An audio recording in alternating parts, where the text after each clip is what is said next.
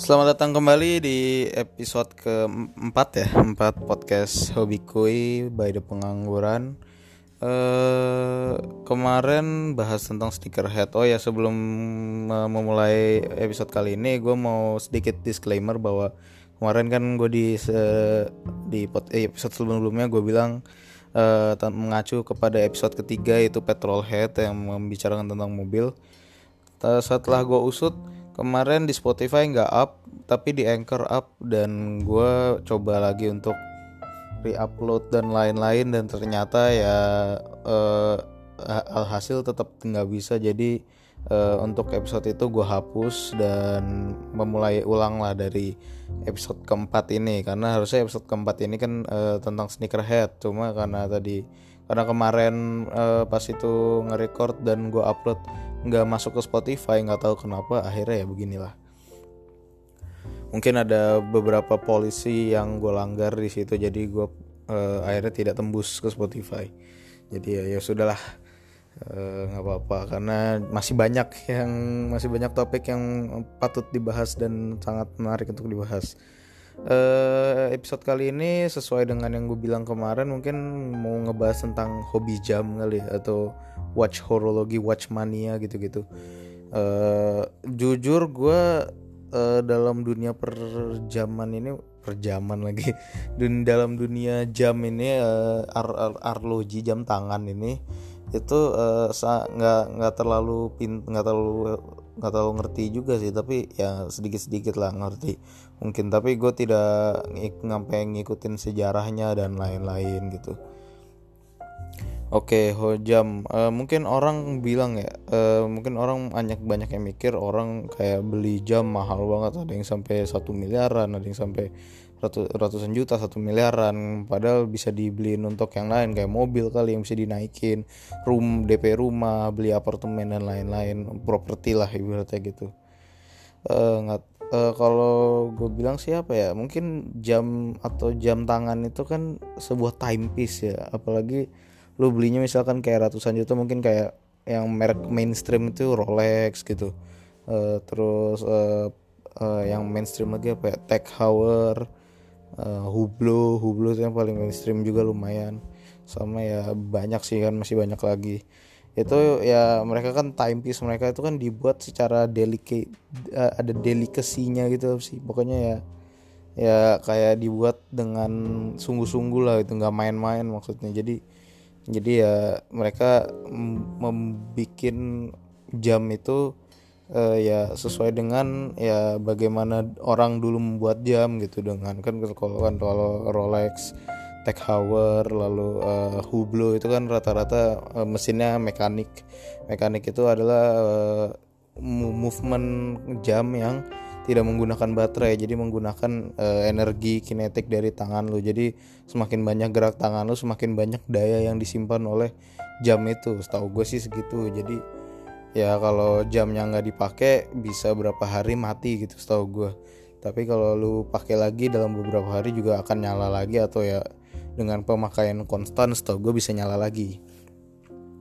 Nah uh, yang pertama itu yang kedua uh, apa ya pokoknya yang pertama kan tadi uh, pembuatannya sangat sangat sangat intim lah ibaratnya dari watchmaker dengan uh, jam yang ia buatnya lalu yang kedua mungkin uh, movementnya karena movementnya itu kan uh, rumit ya uh, automatic movement itu sangat rumit. Jadi kalau menggunakan mechanical itu emang agak rumit movementnya karena harus uh, sangat sangat teliti lah. Apalagi uh, dengan ada jam 6 jam movementnya itu tourbillon itu sama juga kayak mechanical gitu. Cuma gue nggak ngerti apa bedanya tourbillon sama uh, auto automatic movement karena apa ya mungkin sama aja sih. Mungkin kalau tourbillon lebih lebih beda lagi mungkin. Ada yang lebih rumit lagi ya komple lebih kompleks lagi movementnya. Gue nggak tahu juga. Kalian bisa google move uh, tentang movement movement jam uh, dan lain-lain. Uh, terus kalau bisa terus apa lagi ya? Mungkin hal yang menarik dari dunia dunia jam ini apa ya? Sebelum itu gue mungkin mau ngasih tahu dulu ya. Gue uh, kalau misalkan lu butuh referensi jam apa gue bisa memberikan uh, apa ya jam favorit gitu kali ya. Kalau menariknya apa sih? Mungkin dari desain ya. Kalau gue jam favorit dengan desain yang gue suka adalah Hublot yang pertama. Lalu uh, Audemars Piguet lalu Patek Philippe juga lumayan walaupun dialnya gue nggak tahu suka. Lalu uh, Rolex uh, Submariner. Lalu habis itu apalagi ya mungkin Tag Heuer udah tadi ya Tag Heuer tuh lumayan juga.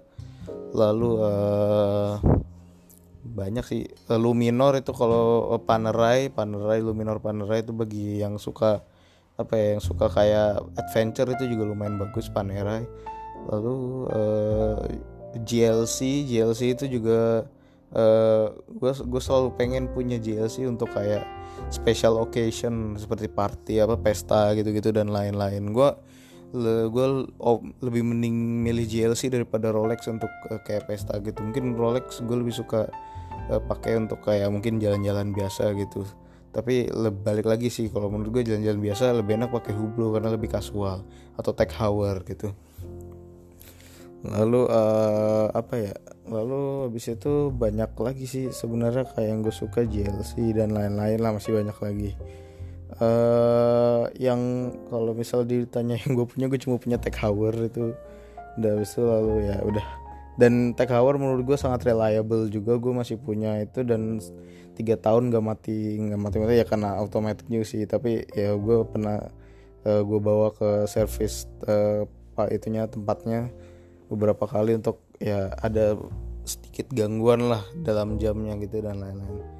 Uh, hal yang menarik dari watch uh, watch uh, watch apa timepiece ini apa sih namanya hobi ini ya adalah uh, yang pertama jam kalau misalkan gue baca-baca di artikel-artikel dan lain-lain ya jam itu punya ceritanya masing-masing katanya. Jadi uh, misalkan Rolex ngeluarin jam ini historinya apa gitu atau kenapa Rolex mengeluarkan jam ini lalu Audemars Piguet ngeluarin jam ini tuh maksudnya apa? Patek Philippe juga apa gitu? Ini kenapa ngeluarin ini? Kayak uh, contoh konkretnya adalah Audemars Piguet yang uh, offshore ya apa sih namanya? Royal Oak ya Royal Oak offshore ya. Royal Oak offshore Rose Gold Pride of Indonesia karena pada saat itu di Indonesia pengguna Audemars Piguet banyak. Jadi akhirnya Audemars Piguet membuat uh, edisi khusus Pride of Indonesia di di belakangnya apa di setahu gue di belakangnya di casing back case belakangnya tuh ada lambang Garudanya gitu setahu gue. Uh, karena melam, apa melambangkan logonya Indonesia. Karena ya di Indonesia pengguna Audemars Piguet banyak setahu gue.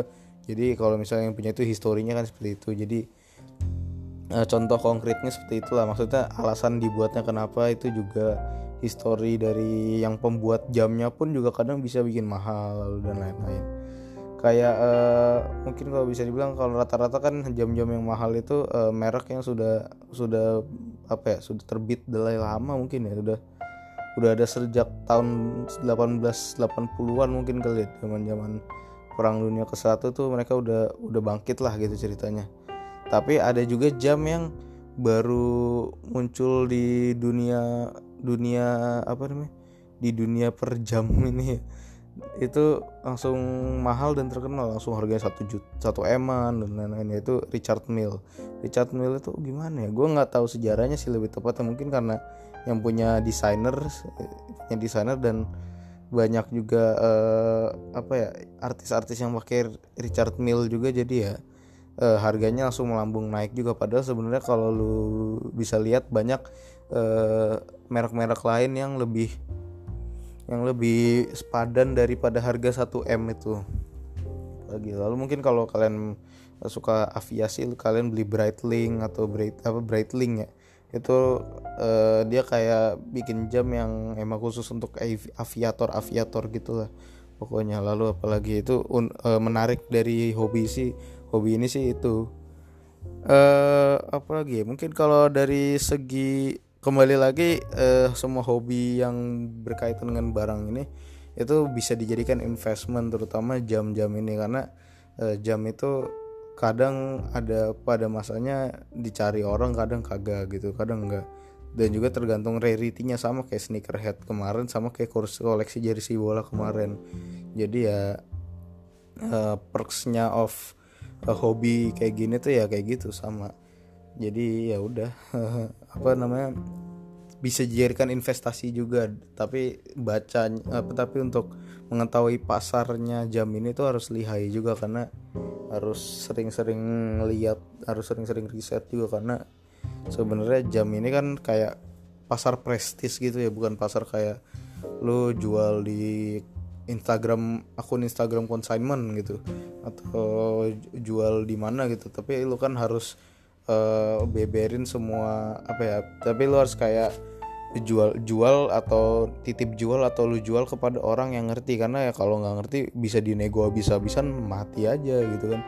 Orang ini harganya di pasaran segini gitu. Jadi ya eh, susahnya susahnya sih ya paling pasarnya kan pasar prestisius dan pasar yang eh, orang kaum tertentu aja sih lebih tepat yang hobi jam atau yang emang konglomerat itu Oke kalau gitu sekian dari episode ke empat ya episode keempat eh, minggu depan eh besok episode kelima. Jangan nanti gue bakal record lagi tapi gue belum tahu. Mungkin uh, dalam waktu dekat akan mengundang bintang tamu. Belum tapi belum topiknya udah kita setujukan cuma kita belum ada waktu untuk ngerekordnya jadi ya ya udah. Uh, jangan lupa follow di Spotify follow uh, di Anchor follow Twitter at the pengangguran. Sampai jumpa lagi di episode berikutnya.